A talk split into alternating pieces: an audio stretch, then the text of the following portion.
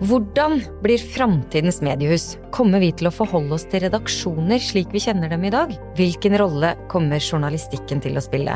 I ti episoder av podkasten Tinius Talks skal vi se på ulike sider av de neste utfordringene for mediehusene. Hvem er de nye mediebrukerne? Hvordan vil mediene gjøre hverdagen vår bedre, og hva vil de bety i samfunnet?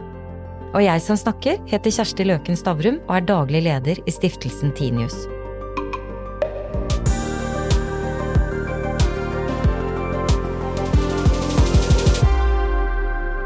I denne episoden av Tinius Talks skal vi snakke om noe som vi i stiftelsen Tinius er veldig opptatt av, nemlig medieeierskap. Og til å snakke om det med, har jeg fått med meg Ole Jakob Sunde. Velkommen. Tusen takk. Og du er jo styreleder i stiftelsen Tinius. Det er jeg. Og du er styreleder i Skipsted. Det er jeg også. Ja. Og en del andre ting, men det trenger vi jo ikke å ta her. Det er opp til deg. Ja, det kan være vi kommer inn på det, men det viktigste i medieeierskapssammenheng er jo nettopp det at du har vært med på dette rigget mellom Stiftelsen Tinius og Skipsted helt siden Stiftelsen Tinius ble opprettet. Helt fra før børsnoteringen av Skipsted, faktisk. Ja. Og da må vi, eh, for alle som ikke skjønner det, eh, så må vi jo si at Stiftelsen Tinius er jo da oppkalt etter en mann som het han het ikke Tinius, men han ble nok kalt Tinius. Ja. Nagel Eriksen. Og han var en arving til Skipsted. Ja. I motsetning til andre arvinger så solgte han ikke sin andel aksjer. Og han valgte da å legge den andelen i stiftelsen, eller under kontroll av stiftelsen. Ja. Og det innebærer at stiftelsen Tinius har såkalt negativ kontroll over Skipsted. Det vil si at vi har den største aksjeposten, og vi kan stoppe ting. Det høres ikke så bra ut. Egentlig, Nei, og det jeg vil ikke si at det er det som er det viktigste. Det viktigste er at man kan være med på å utforme hvilket chipsed man skal ha. Det at man har en vetorett i en del uh, saker, det har jo aldri blitt prøvet. Men hvis det er en visshet om at du sitter på en påvirkningsmulighet, uh, så er det viktigere enn at du kan være eh, hva skal jeg si, vanskelig, Per. Ja, nettopp. Ja. Men det, har vi, det har da ikke skjedd at man har vært så vanskelig. Men vi må, vi må rett og slett eh, Jeg må spørre deg, hvem var Tinius? Du kjente han jo veldig godt. Ja, Tinius var jo svær, for å si det slik. Over 1,90. Eh, Så det er jo, jeg er jo også ganske høy, men eh, han ruvet i rommet. Han var et sammensatt menneske. På den ene siden så var han jo en mann som, som jeg satt, som tok plass. Men han var også et følsomt menneske. Han var ganske mistenksom. Han var analytisk sterk, men ofte på en slik måte at eh, du kunne undervurdere ham, fordi han sa ikke nødvendigvis alltid hvordan han sa, tenkte eh, i, forkant. Han var eh, også et menneske som du vant tillit til over tid, ikke sånn med en gang, det ligger kanskje litt i den mistenksomheten. Og så var han et menneske som hadde noen grunnleggende verdier, som vi jo lever med fortsatt. Eh, Så det var veldig morsomt å samarbeide med ham, men det var samtidig også ganske vanskelig. Fordi at Nei, fordi at eh, du Jeg lærte å svare på en annen måte. Jeg lærte meg vel egentlig eh, tre leveregler med ham. Og for å bruke avisspråket så måtte du være dønn ærlig. Du måtte få til deg korthet, men du måtte også si det på en slik måte at uh, leseren forsto. Men hva var det han var opptatt av ved medieeierskap? Altså, han var jo en mann som evnet å se medieeierskap i en større sammenheng. Medieeierskapet for ham betød jo at eh, mediene hadde en helt sentral plass i samfunnsutviklingen og i demokratiet, i ytringsfriheten. Så han var jo veldig bevisst og klar over medienes plass i samfunnet og hvilken betydning det var å ha en redaksjon som med uavhengighet og troverdighet kunne formidle og forklare de viktigste hendelsene som skjedde rundt deg, men også som kunne da stille myndigheter til ansvar, stille makt til ansvar. Og så var han jo også da, forsto han at, fordi han var jo en avismann, hadde jobbet i aviser, han forsto at uten at uh, en redaksjon hadde uavhengighet, så kunne den da heller ikke utføre den viktige samfunnsoppgaven. Så um, forsto han også at uavhengighet ikke bare betyr uavhengighet i forhold til eierne, men det betyr også uavhengighet i forhold til at man skulle kunne utfolde den kraften, og det krevde jo også at det var en økonomi for å kunne drive med den eh, journalistikken eh, som lå i uh, samfunnsoppgaven. Jeg var redaktør i Aftenposten i en periode, og tilbake i 2005, da var Hans Erik Matre sjefredaktør i Aftenposten, og jeg var redaktør av det som da var i ferd med å bli A-magasinet. Det var han veldig opptatt av. Ja. Så jeg husker den morgenen i eh, oktober 2005, da, da det første A-magasinet kom fra trykkeriet, så dro Hans Erik Matre og jeg ut til Tinius en tidlig morgen på Høvikodden. Det var, eh, det var liksom grå, du vet, sånn tåkemorgen. Eh, og vi kom inn på kjøkkenet hans der, og der satt han også. Som jeg tenker var et veldig flott bilde for en, en aviseier med hjerte på rette staden, om man kan si det sånn.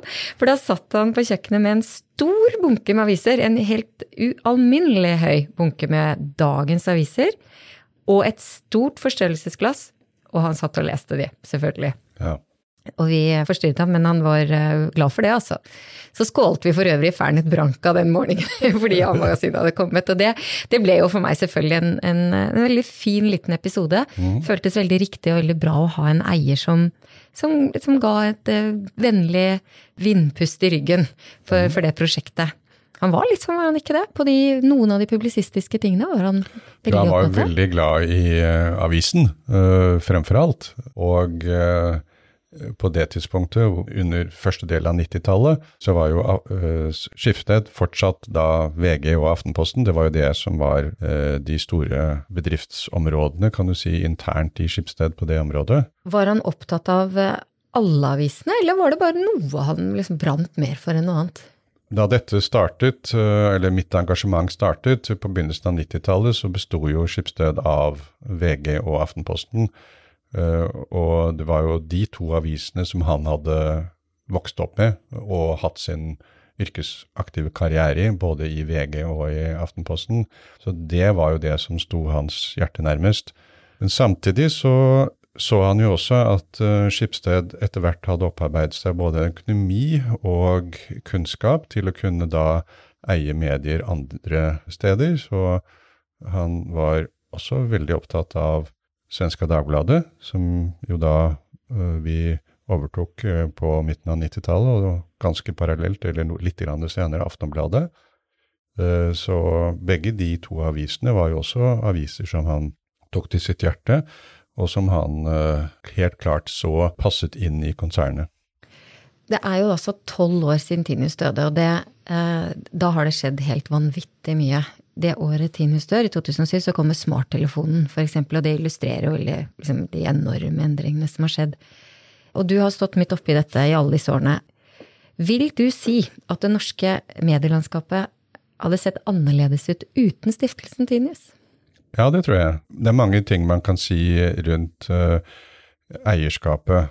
Men det jeg er i hvert fall helt sikker på, det er at hvis du har en langsiktig eier, det bør ikke nødvendigvis være en stiftelse, det kan godt være en privatperson eller en bedrift, eller, men i hvert fall en som tar et langsiktig syn på virksomhetsutviklingen, så får du en mye større evne til å takle store endringer. For store endringer er det ikke lett å takle i et kort perspektiv. Store endringer må takles i et lengre perspektiv. Og hvis du ser på Skipsted, eh, så vil jeg si at det at man var i stand til å ta et lengre perspektiv eh, og investere i det, det har vært helt sentralt. Det har også ført til at du får en kultur som jobber i det perspektivet, og som er villig til å ta risiko, og som er villig til å kunne se ting an. Og da får du en kultur som liksom prøver, og som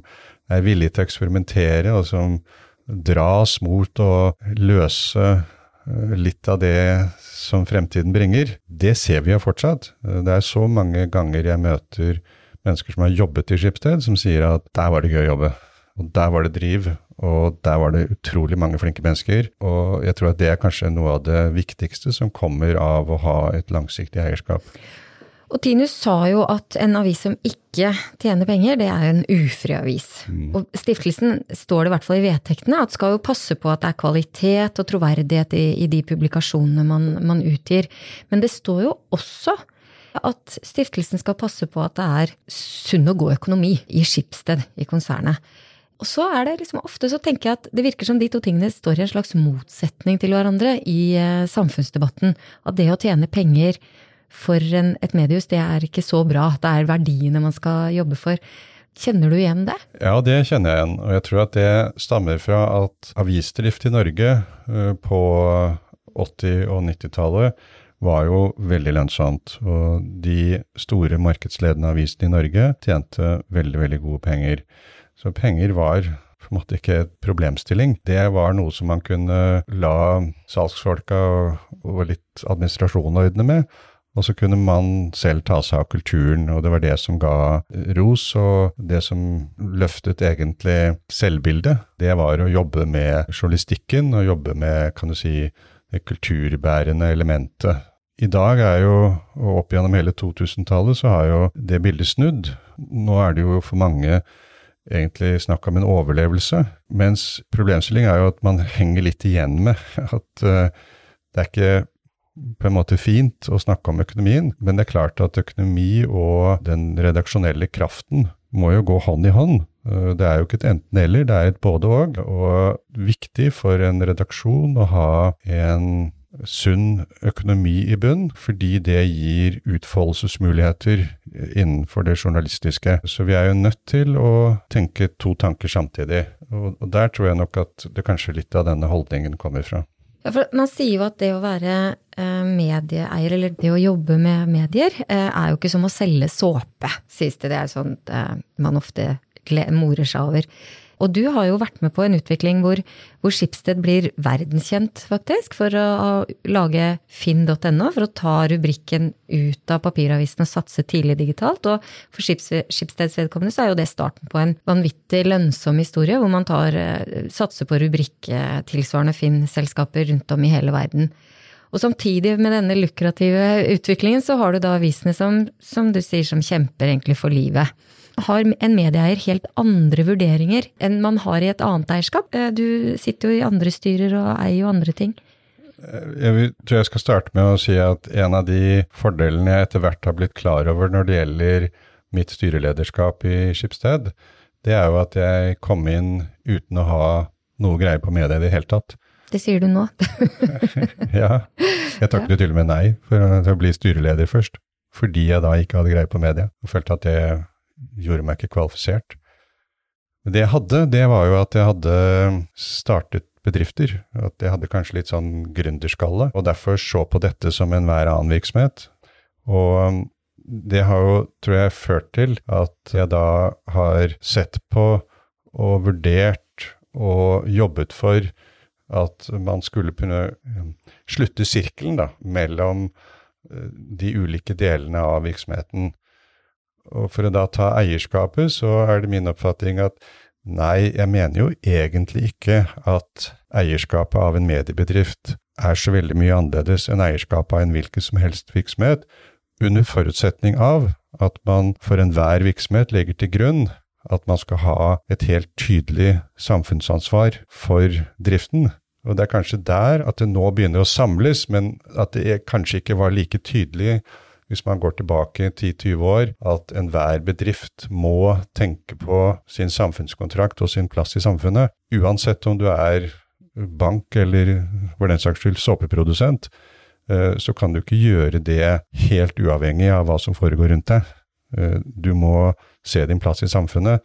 Det har vært veldig mye tydeligere i media i alle år, og er kanskje noe man er nødt til nå i media og passe på å holde fast ved og tydeliggjøre eh, den utrolig viktige samfunnsoppgaven som media har hatt, og passe på at den ikke eh, drukner i eh, økonomi og overlevelse.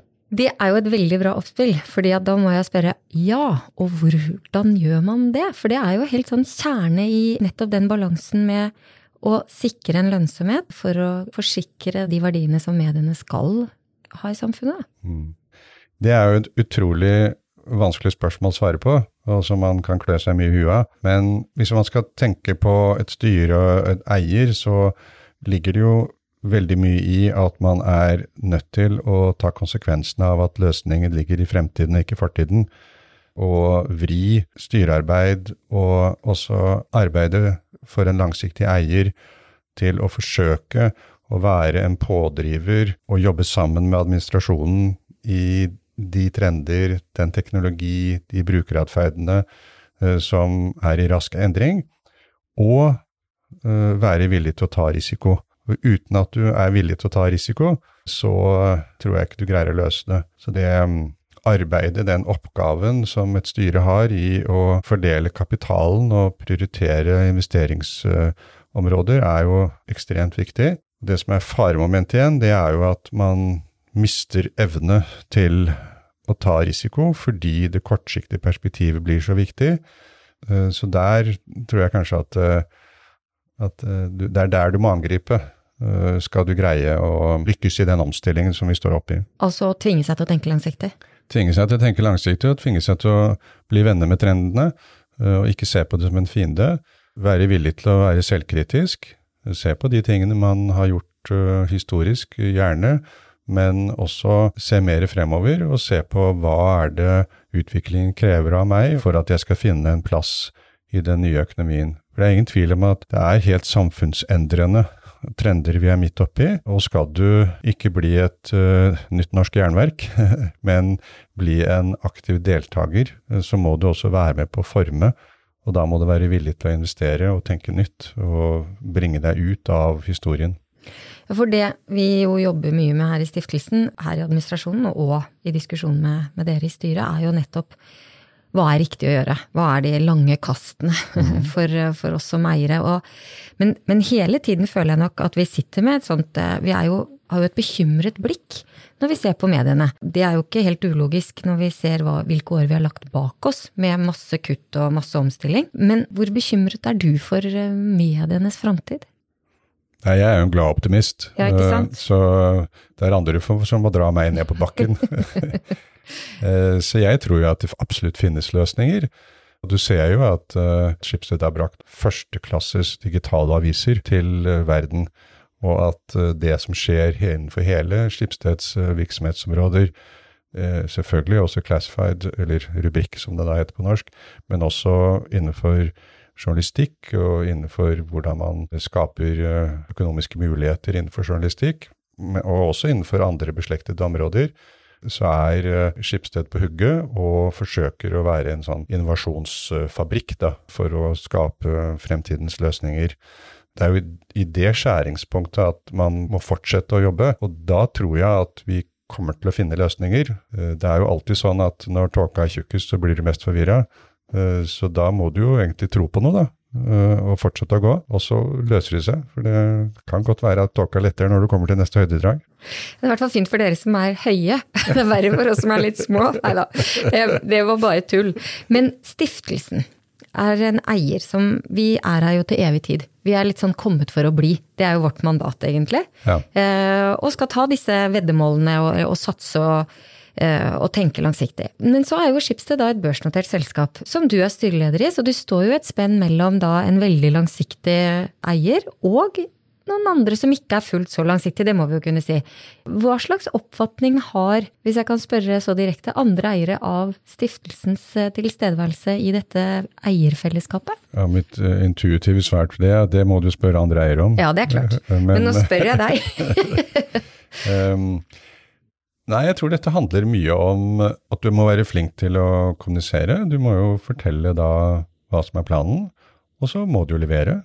Eh, så så lenge du greier å tydeliggjøre retning, og også levere på den retningen, så kan jo også aksjemarkedet overbevises om at det du holder på med, er god verdiskapning. For det er klart det er alltid noen aksjonærer som vil spekulere i de mer kortsiktige bevegelsene av aksjen. Og det er greit nok, det gir jo en god likviditet i aksjemarkedet, hvis jeg skal tenke i den retningen, og kan være meningsfylt for en bedrift. Men det er jo ikke det som er ledestjernen. Ledestjernen er de aksjonærene som er der for den langsiktige verdistigningen. Og dem finnes det ganske mange av. Så eh, det går mer på at du har en tydelig strategi som kommuniseres godt, og at du har en god gjennomføringskraft, så du leverer det du har sagt du skal levere. Så det er jeg bare tenker at Når man heter stiftelse, så hender det i hvert fall innimellom at jeg møter noen som da eh, ser på meg med 'å, stiftelse'. Eh, for eksempel 'å, dere har sikkert penger å gi bort'. er ikke så uvanlig. At man tror, selvfølgelig. For det gjør jo gjerne stiftelser. Og så da kanskje det at man har andre prioriteringer enn de rent økonomiske. Og det er der jeg er litt sånn nysgjerrig på din erfaring med da med stiftelsen Tinius som eier, om den reelt har tatt suboptimale valg sett fra liksom, aksjemarkedets ståsted, eller om det er egentlig en anerkjennelse i at det, de lange satsingene har vært lønnsomme for alle aksjonærene? Ja, Min erfaring er at uh, stiftelsen Tinius faktisk blir bedre forstått i utlandet blant uh, utenlandske aksjonærer enn det det ofte blir forstått i Norge. Jeg ser jo på et aktivt eierskap som å være uavhengig av eierform. En stiftelse kan jo også bli sett på som en tenketank. Eh, som er flink til å forsøke å skjønne litt mer av fremtiden og trendene. Kanskje greier å tenke litt lengre. Det er jo slik at en administrasjon av et stort selskap har et veldig stort ansvar for å følge opp de daglige oppgaver og de daglige gjøremålene. Det er ikke alltid like lett å heve blikket og forsøke å forstå verden. Det da å ha eiere som kan investere i det og komme med meningsfylte og konstruktive innspill i hvordan du kan lage og bygge troverdige strategier, det tror jeg de fleste administrasjoner av børsnoterte selskaper setter pris på, og jeg vil se på det som nesten å være en slags liten luksus eh, for en administrasjon og et styre, så lenge det er innspill og konstruktive forslag, og ikke noe tvangstrøye. Vi ser jo nå i Norge f.eks. så har jo Sparebankstiftelsen lagde jo Amedia-stiftelsen, som kjøpte Amedia-avisene. Og Aller er jo en stiftelse som eier Dagbladet nå. Blir det mer og mer vanlig at stiftelser eier medier, og er det et uh, sunnhetstegn? Det kan bli mer vanlig, og det er helt greit. Men det er viktig at en stiftelse da erkjenner hvordan det skal være eier. Ofte så ser man jo på en stiftelse som er en som sitter i baksetet. Det går ikke.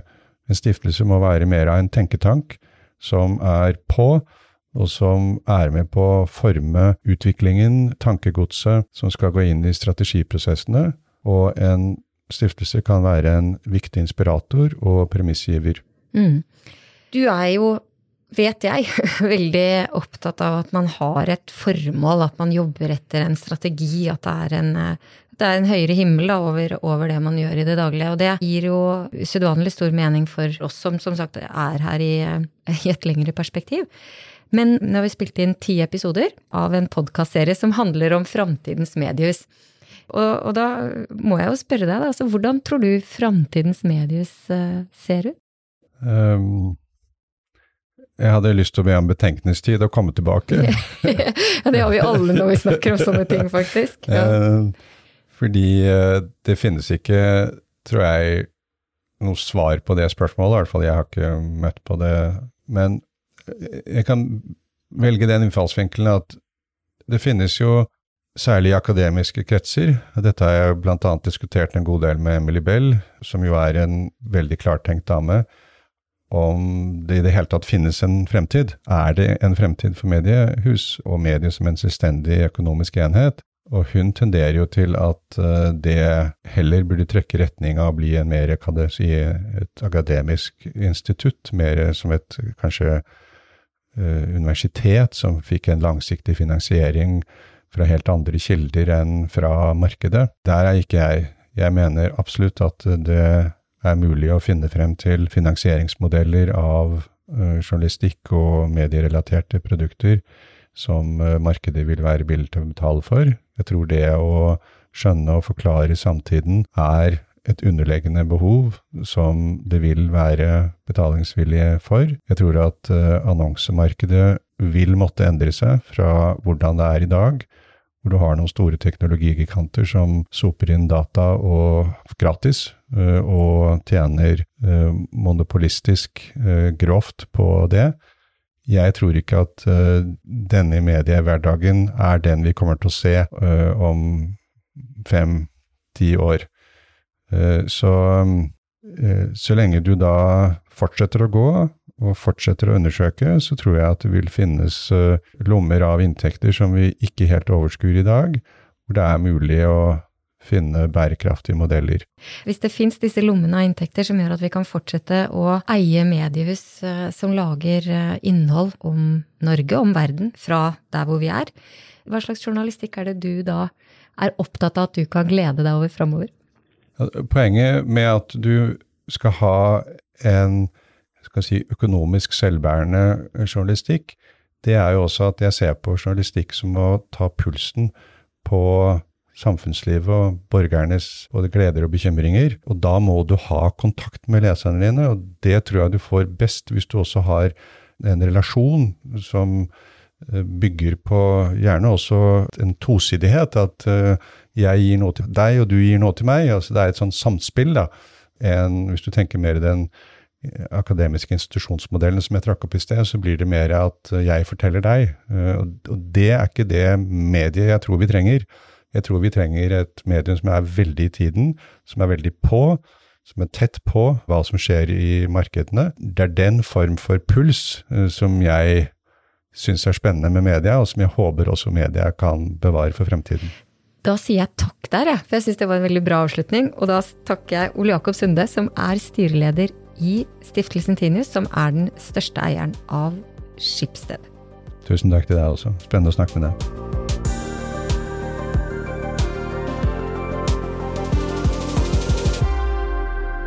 Denne podkasten er produsert av Hansine Korslien for Stiftelsen Tinius.